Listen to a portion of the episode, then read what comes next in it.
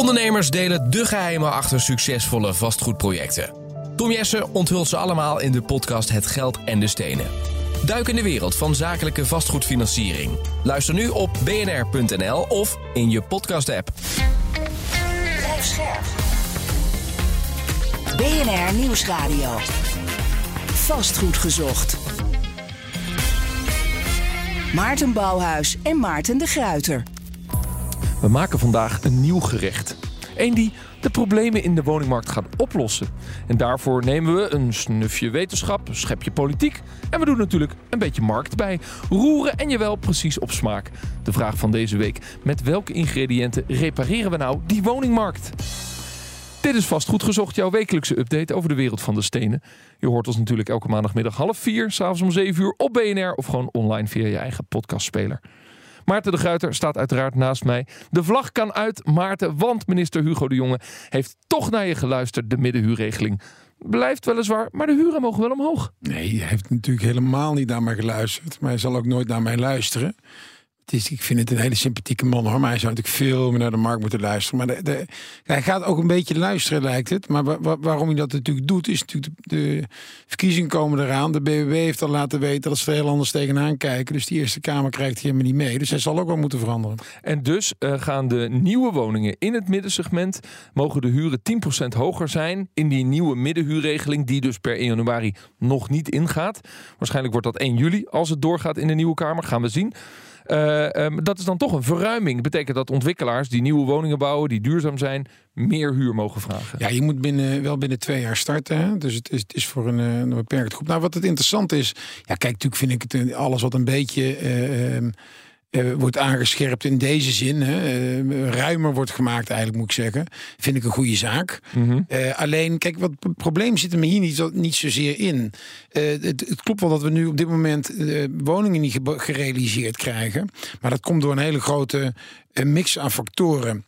En eigenlijk moet je een stap terug gaan. Kijk, de, juist het reguleren van bestaande woningen, dat is een van de belangrijkste redenen waarom buitenlandse investeerders, institutionele beleggers, niet nu in woningen in Nederland willen stappen. In bestaande woningen. En nu wordt er een uh, aanpassing gedaan voor nieuwbouwwoningen. En dan ja, het lijkt je, een beetje apart wat ik zeg. Hè? Een hele kleine groep woningen. Ja, maar dat komt dus. Dat komt omdat gewoon buitenlandse beleggers en beleggers zeggen. Ja, er worden nu tijdens het spel worden de, uh, de regels veranderd.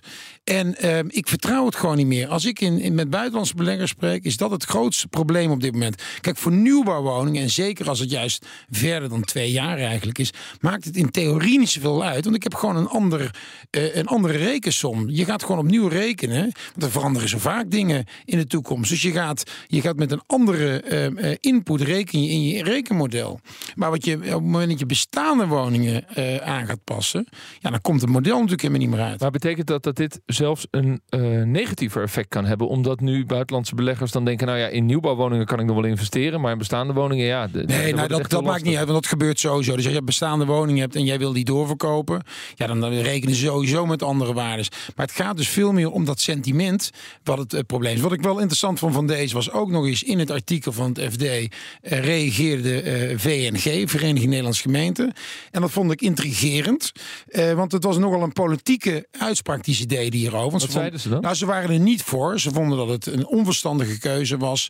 Eh, want het maakte zeg maar, de huidige voorraad niet eerlijk. Mensen die geen woning konden betalen, et cetera. Ik vond het een hele politieke uitspraak. En ik heb er ook eens even gebeld met een, met een burgemeester net. Hoort de VNG dit te doen? En die was er helemaal niet blij mee. Die zei, ja, dit hoort de VNG helemaal niet te doen. Ik vond het heel bijzonder dat zij zo uitgebreid reageerden. Dus de positie van de VNG, daar zullen we het later nog wel eens ja, moeten over hebben. Vastgoed gezocht. Ja, Nederland gaat naar de stembus en het belangrijkste thema bij deze verkiezingen is de woningmarkt. Fijn dat wij vastgoed gezocht maken. De lijst met problemen past niet meer op een rol behang. Dat is één ding wat zeker is. Een gebrek aan bouwgrond, te weinig starterswoningen, de doorstroming loopt vast, stokkende nieuwbouwproductie, aarzelende beleggers, onbetaalbare koopwoningen en de gestegen hypotheekrente. Dus wij dachten, we nodigen alle spelers uit. We zetten ze bij elkaar hier in de studio, politiek, wetenschap en de markt. En dus is Faisal Boulekjar van D66 hier, uh, Kamerlid en kandidaat Kamerlid en woordvoerder uh, wonen van D66. Faisal, van harte welkom. Peter Boelhouwer, hoogleraar aan de TU Delft. En hij schreef ook een essay over de woningmarkt in opdracht van Omtzigt. Is het niet? Verzoek van omzicht. Op verzoek niet van de opdracht, hè, want ik laat me niet leiden door omzicht. toch even checken, toch even checken. Maarten de Gruiter uiteraard. Eh, Maarten, je vertegenwoordigt de markt. Dat moet lukken, toch? Ja, kijk eens even. Goed jongens, we willen een aantal thema's met elkaar bespreken. Eerst maar eens even op het inzetten van, eh, laten we zeggen, de focus op bestaande bouw versus nieuwbouw. Eh Faisal, wat zijn wat jullie betreft deze 60 de belangrijkste maatregelen om die markt weer in beweging te krijgen? Nou, iedereen heeft het over bouwen, bouwen, bouwen. Dat moeten we zeker ook doen. Maar D66 praat ook vooral over ombouwen, ombouwen, ombouwen. Want we zien dat we, ja, we zien dat jongeren eh, eh, het gedwongen thuis nog wonen. Dus eh, ja, dat is niet goed. Dus Nee. we moeten veel meer betaalbare woningen realiseren voor die mensen. Dus we moeten inderdaad veel bouwen. Maar voor de korte termijn zullen we ook veel meer gebruik moeten maken van de bestaande woningvoorraad en de bestaande gebouwen. En daar blijkt en wat is dan een concrete manier van ombouwen? Nou eh, bijvoorbeeld optoppen. Je kunt eh, heel veel gebouwen in Nederland, vooral woningbouwcorporaties, kunnen eh verdieping of twee verdiepings eh, op gebouwen plaatsen. Maar ook kijken naar de meters die we al hebben in de bestaande woningvoorraad. En als we kijken naar de kantorenvastgoed, zien we nog 3 miljoen vierkante meters aan lege vierkante meters. Die kunnen worden omgeturnd tot starterswoningen. Ja, precies. Laten we dan met elkaar in een reëel gesprek dat, die potentie bekijken. Peter Boelhouwer, wat is volgens de wetenschap de potentie hiervan? Nou, die is natuurlijk heel groot in potentie. Maar je moet kijken naar de. eh, Is het mogelijk? Hè? Kunnen we het realiseren? Wat is ervoor nodig? En je ziet de laatste drie jaar dat de transformaties aan het dalen zijn. En dat heeft natuurlijk te maken dat we laaghangend fruit hebben gebruikt en dergelijke. Maar hoeveel, hoeveel woningen komen er via transformatie Nou, in 9000 2022 op de markt? 9700 vorig jaar. 9700. En dit jaar minder? 23? Nou, dat hebben we helemaal geen zicht nog op. Nee, Dus oké. die komt nog. Maar, maar dus van de 100.000 die Hugo de Jonge al wilde bouwen, zijn er vorig jaar 10.000 uit transformatie gekomen. transformatie. Maar je hebt ook nog eh, splitsen van woningen. Dat kan Ja. ook nog. Hè? Dat is Ja. ook wat uh, Faisal bedoelt natuurlijk. Ja, wat is wat jullie betreft de potentie hiervan dan? Faisal Eh, Boulekar? Kijk, enerzijds transformatie, hè, die 3 miljoen vierkante meters aan de kantoorvastgoed, die kunnen met wat meer regie kunnen die worden eh, eh, omgebouwd tot eh, starterswoningen. Maar Ja. ook gewoon de vierkante meters in de bestaande woningen. Dat zijn eh, uit onderzoek blijkt dat je met ombouwen, met het optoppen van woningen, met het aanplakken van eh tegengebouwen aan, kun je 600.000 woningen de komende jaren toevoegen. Dus enorm potentie. Dus op de korte termijn zien we daar echt wel een grote winst te behalen. En voor de lange termijn moeten we Ja. zeker ook gewoon blijven. Eh, Maarten, Maarten de Ja. Gruiter, als we kijken naar die, die potentie die er dus in theorie is. nou kijk, wat hoe belangrijk kijkt de markt daarnaar? Ja, dat belangrijk is, is dat onder bouwen, bouwen, bouwen, is dit ook gewoon. Het is ook gewoon bouwen, bouwen, bouwen. Jazeker. Eh, optoppen en het eh, eh, transformeren is ook een, gewoon een vorm van bouwen. Het grote probleem zit hem helemaal niet als je snelheid wil maken in het bouwproces. Daar zit het probleem helemaal niet in. Want als je tien jaar doet over een project, ja, dat hele bouwen duurt misschien twee jaar. Op het moment dat je voor optoppen en eh, herontwikkelen ook gewoon langs de gemeente moet en een bestemming moet wijzigen, dan duurt dat net zo lang. Dus daar ligt het grote probleem is natuurlijk bij ons enerzijds procedures die veel te lang duren, het overreguleren van de overheid, het aan de andere kant dat we nu in een perfect storm zitten waarbij de kosten niet meer worden gedekt door de opbrengsten. Ja, daar verander je niets mee met optoppen en en en, en herontwikkelen. Oké, dat Over- dat is- even los. Nee, maar dus het, is, het valt precies onder diezelfde noemer. Je gaat er geen snelheid mee creëren als je niet zorgt dat je überhaupt het hele proces van een woning realiseren versnelt. Maar oké, snap ik. Laten we dat ook uitdiepen. Van wat moet er dan gebeuren om wel tot die snelheid te komen? Eh, maar als dat nou zou kunnen, als het financieel uit kan en eh, de regelgeving komt wat sneller op gang. Zijn projectontwikkelaars dan te porren voor, eh, laten we zeggen, optoppen, aanbouwen, dit soort potentie? Wat anders is dan wat ik maar even noem virgin bouwen. Zeker, maar ik denk dat de snelheid waarmee dat gaat heel erg tegenvalt. En je moet niet. Kijk, wij zitten in Nederland met ongeveer 8% leegstand op kantorengebied. Zitten wij hartstikke laag.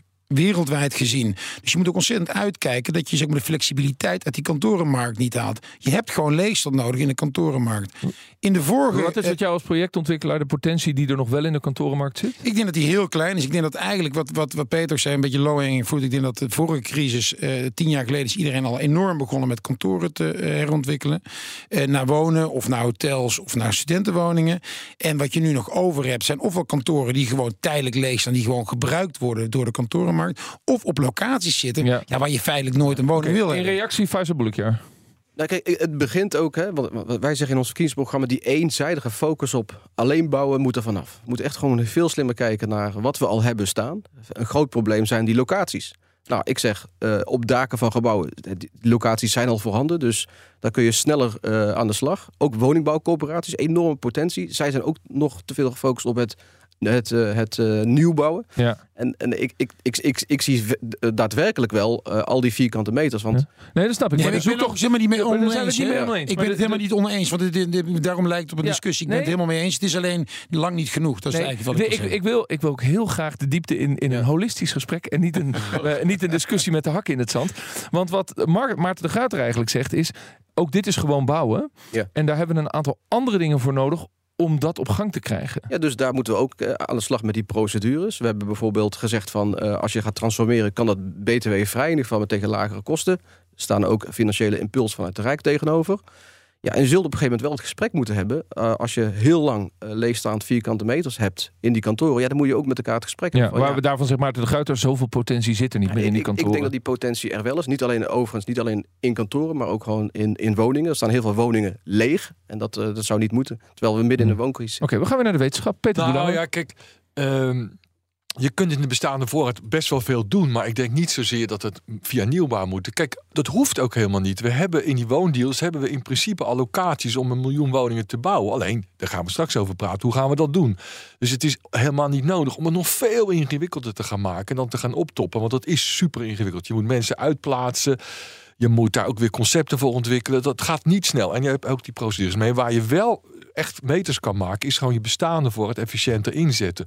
Dus als de gemeente Den Haag zegt, wij gaan over de hele gemeente splitsen verbieden, ja, dat is niet verstandig. Dat je dat in achterstandswijken doet, heel verstandig, maar niet in het benoorde hout.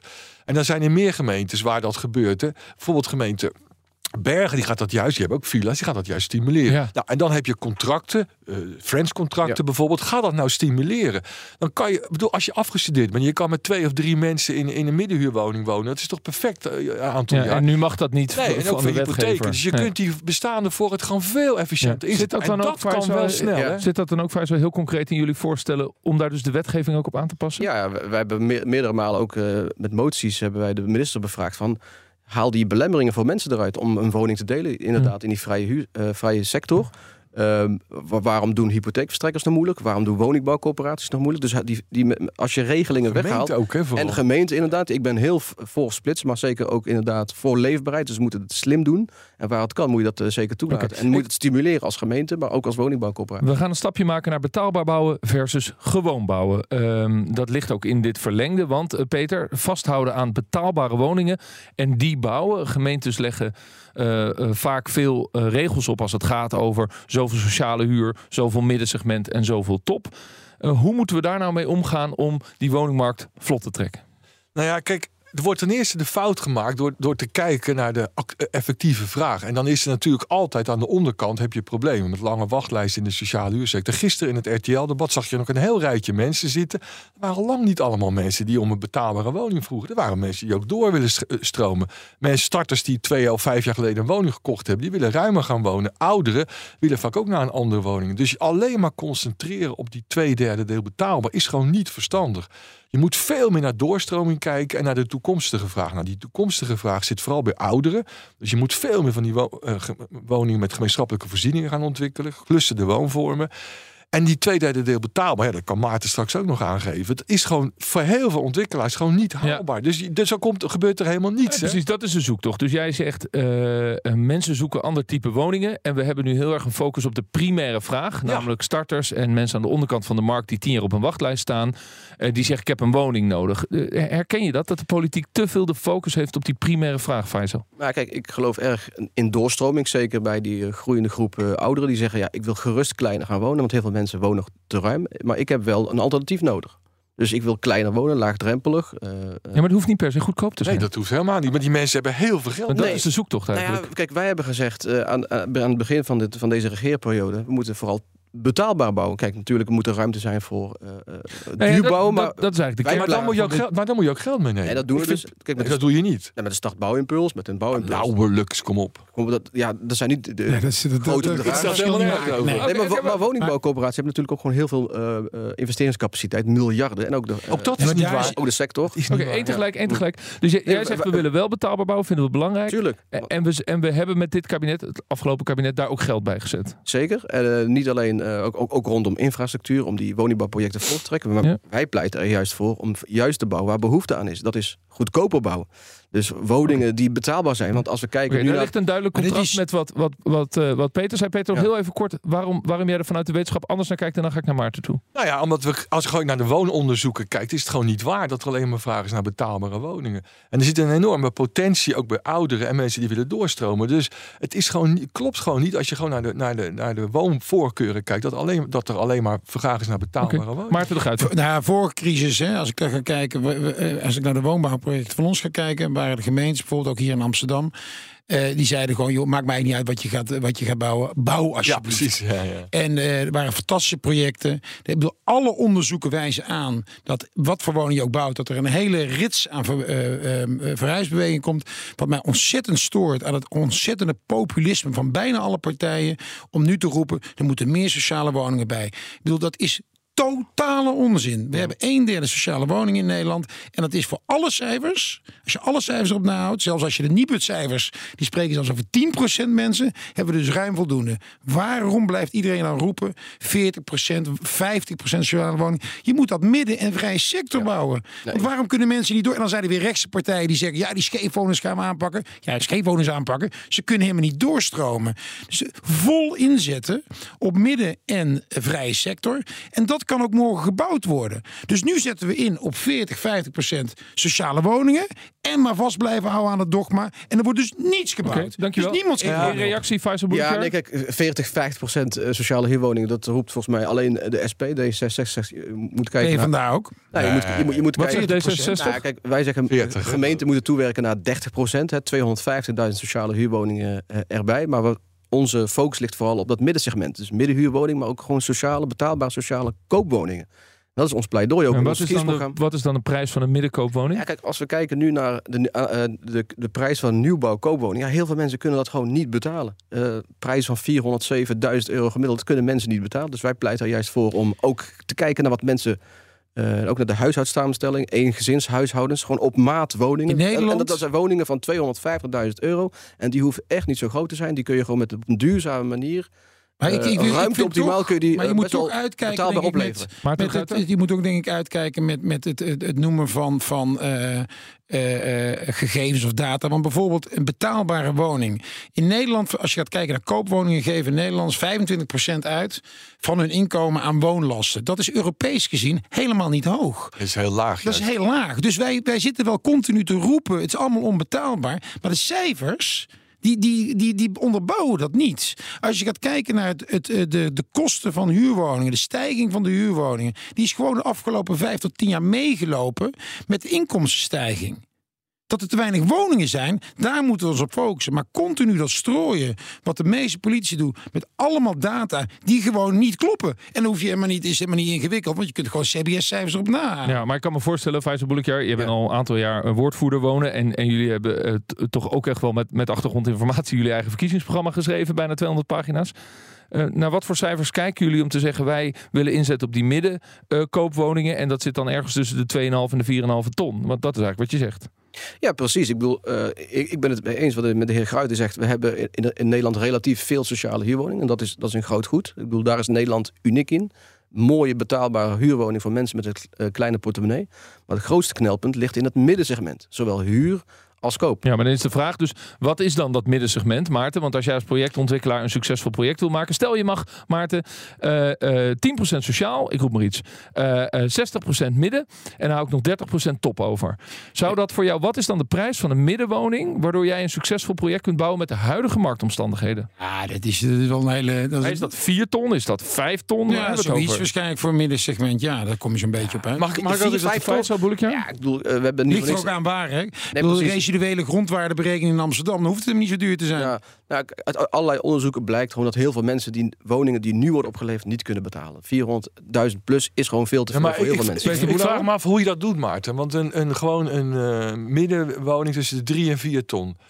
Een belegger vraagt tegenwoordig 4,5, 5 procent aanvangsrendement. Ja, ja, ja. Hoe kan je die dan in de middenhuur krijgen? Dan, dan moet je bijna geld meenemen voor die grond. Dus dat kan gewoon helemaal kan niet meer. niet. En er is een ander Maar wat probleem. moet er dan en er is gebeuren? een ander probleem, is dat, dat die middeninkomensgroepen, die wij middeninkomensgroepen noemen, die kunnen die middenhuur ook niet betalen. Die is gewoon te hoog voor ze. En wat je, wat je wel zou kunnen overwegen, vind ik, is dat je eh, veel meer in de bestaande voorraad die woningen beschikbaar krijgt voor. En die kun je ook niet omzetten naar koopwoningen. En dan in de, in, in de nieuwbouw gewoon, ja, ook voor corporaties bouwen. Je moet gemengd bouwen. Maar die sociale koop is natuurlijk een heel onhandige categorie. Maar- er moet heel veel geld Ja, bij. en de vraag is dus, moet die sociale koop niet uit de bestaande Nou, dat, voorraad dat is komen? volgens mij heel zegt. verstandig. Want dan kan je. Nee, want heel veel gemeentes hebben nu moratoria op de verf. Ja. Utrecht binnenkort weer. Er mag geen woning meer verkocht worden. en- Terwijl dat zijn. En dan verkoop je ze in wijken waar Maar, je eh, gemeleerde Even begrijpelijk voor de gewone luisteraar. Een corporatie zou eh, woningen kunnen verkopen die dan in de middenkoop terechtkomen. ja, die kunnen wel, zijn wel betaalbaar. Eh, die zouden dat kunnen verkopen. En dan krijg je een doorstroming op gang. Ja. Eh, maar dat zou je kunnen bewerkstelligen doordat er weer duurdere woningen gebouwd worden. Nee, die, die corporaties gaan natuurlijk dan weer nieuwe sociale huurwoningen bouwen. En dan kunnen ze het ook richten op die ouderen bijvoorbeeld. Veel meer op de specifieke groepen. Ja. Dat hebben we altijd gedaan. We hebben altijd die doorstroommodellen Ja. gehanteerd. En nu ligt dat de, de, de stil. vraag, Faisal, die er dus op tafel legt, is eigenlijk: moeten we niet aan die corporaties vragen om dit te doen? Maar aan de projectontwikkelaars te zeggen: jongens, jullie mogen echt wel wat duurder bouwen, want aan die bovenkant is er ook een behoefte. Dat is eigenlijk wat, wat Peter Nou, en maar- Maarten zeggen, maar Faisal. Die ruimte is er. Hè? Kijk, we hebben er gezegd, twee derde betaalbaar. Dat betekent er is nog eh, ruimte voor die, voor die duurdere woning. Maar ik ben het helemaal eens met eh, wat Peter Boelhouwer Ja, zegt. Dat staat ook in ons verkiezingsprogramma. Geef zittende corporatiehuurders Ja. nu de mogelijkheid om, als ze door, door, doorgroeien, als ze stijgen in, in, op die sociale ladder, dat ze hun eh, eh, huurwoning kunnen overnemen. Ja. Met Ja, de wat, wat, zo, wat zo interessant is, dat eigenlijk dat eh, in de hele retoriek van iedereen, iedereen die in die vrije sector moet vallen, alsof die vogelvrij zijn.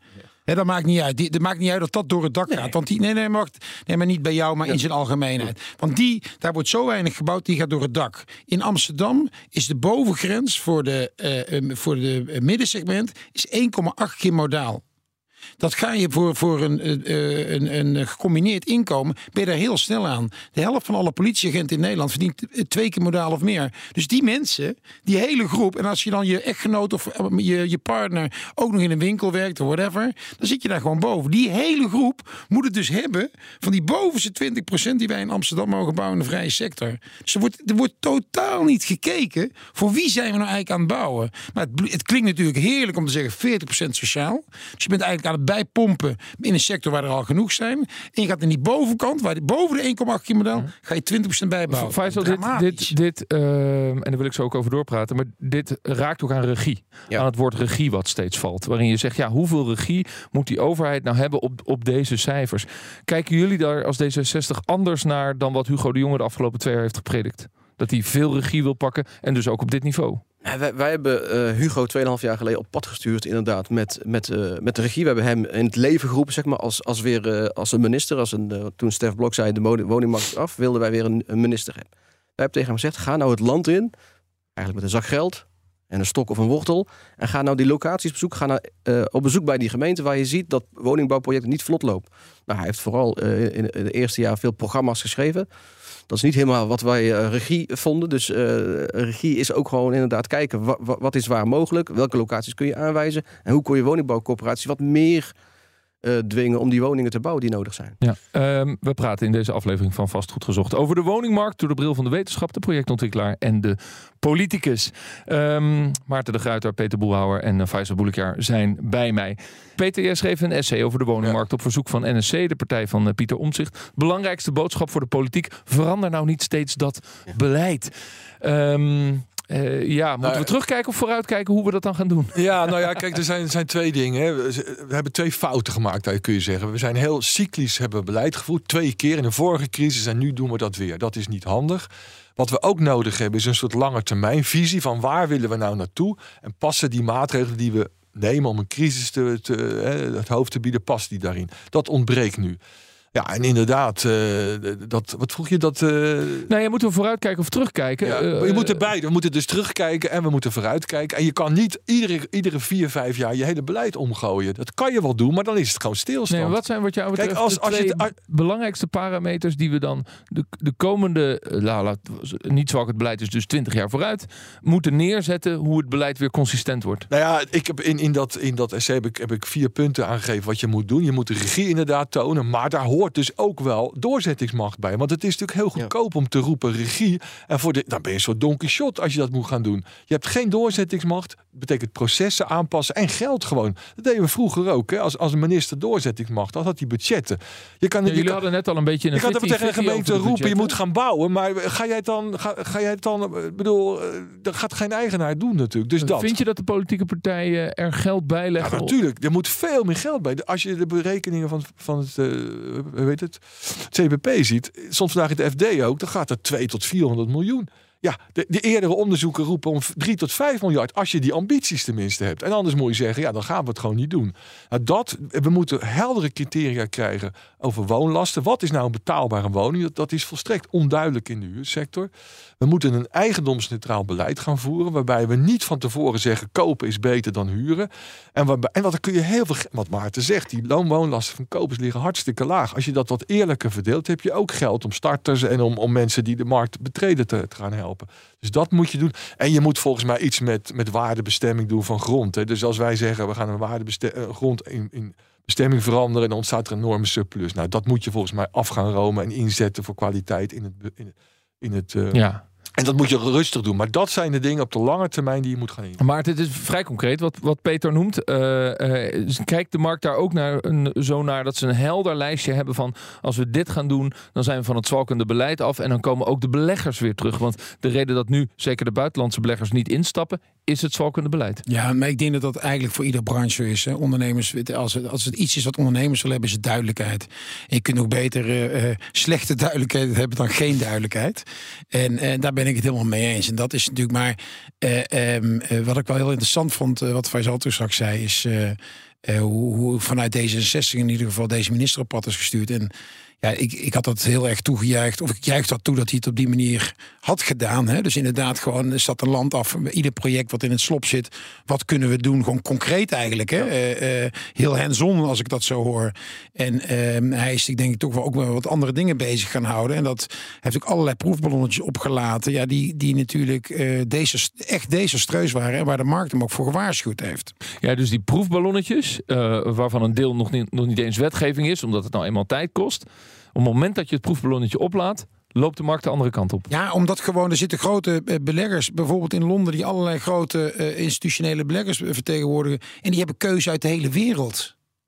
En ook Nederlandse pensioenfondsen hebben keuze uit de hele wereld. En allerlei beleggings, hoe heet het, de, eh, ehm, categorieën om in te beleggen. Maar vind je dat ook niet heel pijnlijk gegeven dat Nederlandse pensioenfondsen zo weinig investeren in de Nederlandse woningmarkt? Nee, totaal niet. Dat vind ik ook zo'n ontzettend grote onzin. Wat hun taak is te zorgen om de pensioensgerechtigden, aan het, zodra zij pensioen moeten krijgen, dat ze een pensioen krijgen. En niet om de Nederlandse woningmarkt op gang te brengen. Dus, dus er, er moet meer rendement in die woningmarkt te halen zijn, zodat Ja, ze ook in Nederland weet, gaan weet wat investeren. maar dat is wat je iedere keer weer terugleest, is ze doen alsof ze alsof die beleggers enorme eh, rendementen in het verleden of nu krijgen. Dat gaat helemaal. Ik vind het eigenlijk bijna dat je. Ik vind het bijna gevaarlijk. Dat rendement is zo laag dat als er ook maar iets tegen zit, je negatief rendement hebt. Je hebt het over. Ik bedoel, afgelopen jaren zijn er woningen aangekocht door institutionele beleggers. Dus niet door huisjesmelkers of weet ik wat voor onzinnige termen.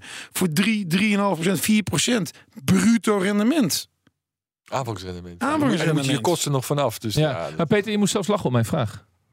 Wat, wat- Je moest, ik, ik stelde deze vraag aan Maarten over het rendement in de pensioenfondsen. Je moest er zelfs een beetje om lachen. Nou ja, het, het, het, het zijn natuurlijk hele kleine aantallen ook wat ze bouwen op het totaal. Hè. Ze, in het verleden bouwden ze 2.000, 3.000 woningen, nu is het 8.000. Institutionele beleggers. Ja, in Nederland. En die kunnen ook niet heel veel meer. Ook als je naar een portefeuille-strategieën kijkt. Dus dat je daar gewoon heel veel vandaan had, dat kan gewoon helemaal. Maar als dat zo is, dan is het ook weer niet zo erg dat er weinig rendementen te halen zijn. Nou ja, dan doen ze helemaal niks. Dus, Nee, oké, dat is Ja, ook die zo. mix is natuurlijk belangrijk. Ja, die Het mix is heel deel is belangrijk, natuurlijk gewoon koopwoningen Faisal dit raakt ook, als het gaat over beleid, over steeds de vraag: is het nou een woningmarkt of is het volkshuisvesting? En daar, daar verschillen de politieke partijen een beetje van mening over. Eh, eh, is het wat jullie betreft wel een markt waarbij je ook de marktprincipes nodig hebt om nou, bijvoorbeeld weer snelheid te kunnen maken? Natuurlijk, ik heb het vorige keer in een debat ook gezegd. De overheid kan in deze niet zonder markt, maar ook andersom. Als we kijken naar de, de vorige crisis, toen stond de overheid klaar om de markt te helpen. En, en eh, uiteindelijk bouwt de markt die woningen. Dus we zijn onlosmakelijk aan elkaar verbonden. En wat de markt tegen mij zegt als ik met hen in gesprek ben, Ja, we vinden wat van bijvoorbeeld van die middenhuurregulering. Maar geef ons duidelijkheid. Ga niet om de twee, drie jaar nieuw beleid invoeren. Dat zorgt voor onrust, dat zorgt voor onzekerheid. Dus ik ben het helemaal mee eens wat ook wat Peter Boelhouwer zegt. Maar ook met Maarten zegt. Zorg voor rust en zekerheid. Wat ook de NEPROM en de IVB aan aangaven. Ja, met een aantal aanpassingen kunnen wij leven met die middenhuurregulering. Maar geef ons duidelijkheid voor de lange termijn, 15 tot 20 jaar. En eh, zo zorg je voor een eh, steady eh, investerings... Is dat dan wat jou betreft de belangrijkste inzet van het nieuwe kabinet? Dat we dus niet allerlei proefballonnetjes oplaten, maar dat we gewoon zeggen: dit zijn de duidelijke regels en, en die stellen we vast. Punt. En nu door. Dat is in de politiek natuurlijk een, een hele lastige, maar dat is wel nodig. Want we hebben te maken met een enorm woningtekort. En we zien dat de markt heel graag wil bouwen.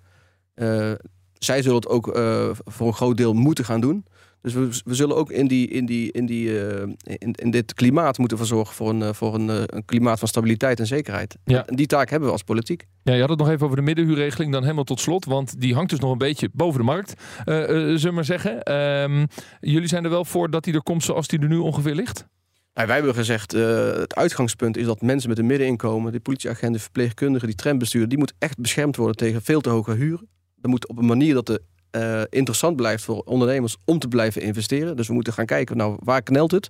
We zien het vooral knellen met die stapeling van fiscale maatregelen. Daar moeten we echt wel wat aan doen. Die, die overdrachtsbelasting natuurlijk is best, best fors, heb ik al eerder gezegd. Ja, Daar kunnen we En wat de aan box doen. 3 belasting? En nu wat Hugo voorstelt om eh 10% iets meer eh, ruimte te bieden voor de hu- verhuurders om eh, de huren een beetje op te schroeven, dat kan. Dat is wel alleen, In voor, ruil- nieuwbouw, is wel alleen voor nieuwbouwwoningen. Ja, precies. Maar Maar zou het niet goed zijn om dat ook voor bestaande bouw te doen? Nou, ik denk dat het uitgangspunt voor D66 in ieder geval heel belangrijk is dat we die eh, huren betaalbaar houden. En dat is echt belangrijk, want je Ja. wil die leraar in de stad houden en niet. Maar Waarbij ben je- de uitdaging is, Peter, wat is nou betaalbaar? Ja, dat is natuurlijk altijd een eh, mooie discussie. Eh, maar ben je ook bereid om er geld mee te nemen? Want, want het komt niet uit de lucht vallen natuurlijk. Als je het betaalbaar wil houden, dat gaf Maarten ook aan 4,5, 5 procent rendement op de bouwkosten van nu. Ik, ik, ik begrijp helemaal niet hoe die, hoe die marktpartijen überhaupt nog middenhuur kunnen organiseren. En onder deze, het IVBN is ook akkoord. Ik begrijp het niet helemaal hoor. hoe, Ook ze de- dat, ja, hoe ze dat kunnen doen. Hoe kan je dat doen, Maarten? Ja. En niet. Nee. Dus, dus, dus, dus ja. Nou, de, de ene helft van de, van de sector zegt we kunnen het wel. Ja. De andere helft, maar ga, helft maak niet. gewoon eens een Maar- sommetje. maar wat is jouw verklaring daarvoor? Dat de ene helft tegen jou zegt, ik, ik Nou, kan het wel dus- hiermee. zij, zij, eh, misschien dat zij wat eh, genoegen nemen met wat minder rendement. Want afgelopen Nee, jaar. maar het gaat niet om minder rendement. Het gaat, het heeft, En, en anderzijds, maar als ik me even mag afmaken, Ja? is dat wij ook zeggen: kijk, eh, woningbouwcorporaties moeten ook naar voren stappen in het bouwen van die sociale koopwoningen, die middenhuurwoningen. Ja, dus wij, wij bieden hen daar ook de ruimte en de middelen. Oké, nee, maar dat is, niet waar, dat is niet Peter? waar. Die middelen is niet waar. Er is, door de, er is uitgerekend met nationale prestatieafspraken dat met deze rente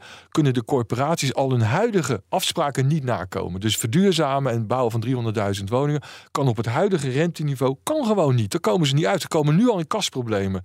Dus als je wil dat corporaties meer gaan bouwen, hetzelfde verhaal is bij die. bij hun handtekening staat onder nationale Ja, maar dat was met een lage, lage rente gerekend. Die rente is om, is gestegen, dus ze kunnen het gewoon niet meer. En je ziet ook dat ze nu terughoudend En worden. jij zegt steeds, er moet geld Dus- bij. Ook er moet echt geld corporaties. bij. Dus, maar dus moeten ze slimmer. Dus niet, niet alleen die eenzijdige focus op woningbouw, maar ze zullen inderdaad in die bestaande woningvoorraad Ja, veel slimmer Nou, dat- woningen kunnen toevoegen. het nu over nieuwbouw. Ik ga dus, even, eh, even, naar, even naar Maarten toe, want jij zegt eh, eh, dat is echt heel lastig en dan gaat het weer over rendementen.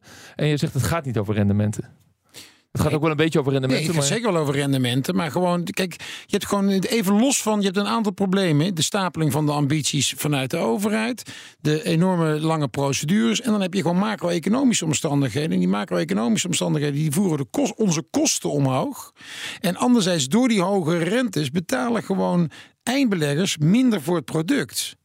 Dus je moet ergens wat gaan doen om het toch eh, eh, mogelijk te maken. En het heeft helemaal niet, ik bedoel, wat echt niet waar is, dat er ontwikkelaren of beleggers zijn die met minder ehm, eh, genoegen nemen. Kijk, die belegger sowieso niet, want die heeft gewoon keuzes. En die ontwikkelaar, ik bedoel, mijn bedrijf en mijn concurrenten, 90% ervan is bereid om gewoon tegen kostprijs nu te bouwen.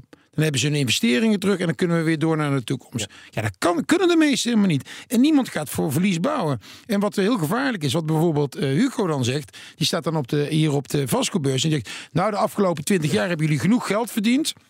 Dus nu maar een keer wat minder. Ja, dat is natuurlijk een non-argument. Want dat geld wat je de afgelopen twintig jaar hebt verdiend... dat zit niet onder mijn matras of zo. Dat zit in nieuwe projecten. Ja, ja. Dus ik bedoel, het is zo simpel geredeneerd. Oké, Eh, heren, we moeten naar een afronding. Ehm, we gaan straks in de formatie, als het over de woningmarkt gaat, gewoon verder met dit gesprek, ook in deze studio. Ehm, maar dan even eh, alle drie eh, in één zin. Het, het belangrijkste speerpunt die je dan eigenlijk mee zou willen nemen in de formatie, als je aan tafel zou zitten, Faisal, en, ehm, en, en voor jullie als, als kritische beschouwers aan de buitenkant. Peter, mag ik bij jou beginnen? Wat, wat moeten Nou we ja, niet je moet veel meer focussen op doorzettingsmacht. Hoe gaan we dat doen? Kijk, al die mooie verhalen in die verkiezingsprogramma's. Ik krijg tranen in de ogen. Maar hoe ga je het nou realiseren? Daar moet je veel meer nadruk op. En dat betekent realistische programma's en voldoende financiële middelen. Anders gaat het gewoon niet worden. Maarten? De afgelopen decennium ehm, heeft de overheid het mogen proberen. En nu maar eens een keer de regie naar de markt. Faisal? Ja, ik zeg altijd, het zicht op een betaalbare woning moet in Nederland weer vanzelfsprekend zijn. En dat is het eh, niet. We moeten nog met, met meer regie, dus niet alleen maar praten en programma's, maar echt het land intrekken, projecten vlot trekken. En op die manier kijken hoe we zo snel mogelijk heel veel betaalbare woningen in Nederland kunnen regelen. Dank voor jouw komst hier naar de studio. Faisal Boelekjar van D66 en eh, Peter Boelhouwer, Maarten de Gruiter. Dank voor je eh, kritische blik. Eh, mijn conclusie is ook met alle debatten die ik heb mogen leiden als het gaat over eh, woningmarkt en eh, volkshuisvesting, is we moeten het echt met elkaar doen. Dus ook naar elkaar luisteren. Dus ik, ik hoop dat eh, zowel de politiek als de markt bij elkaar eh, de deurmat, eh, laten we zeggen, kapot loopt. eh, om elkaar echt te begrijpen en, eh, en nou, op de een of andere manier voor iedereen een dak boven het hoofd te realiseren. Ja, intussen vertel ik even dat we volgende week afreizen naar Den Bosch. Eh, dat is de dag van de volkshuisvesting. En dan gaan we een uitzending maken met woonminister Hugo de Jonge. Nou, dan kunnen we het hem allemaal voorleggen. En dat allemaal twee dagen voor de verkiezingen luisteren. Dus dit was vast goed gezocht. Voor nu bedankt voor het luisteren. Dag. Vastgoed gezocht wordt gesponsord door Mogelijk. Mogelijk. Vastgoedfinanciering voor ondernemend Nederland.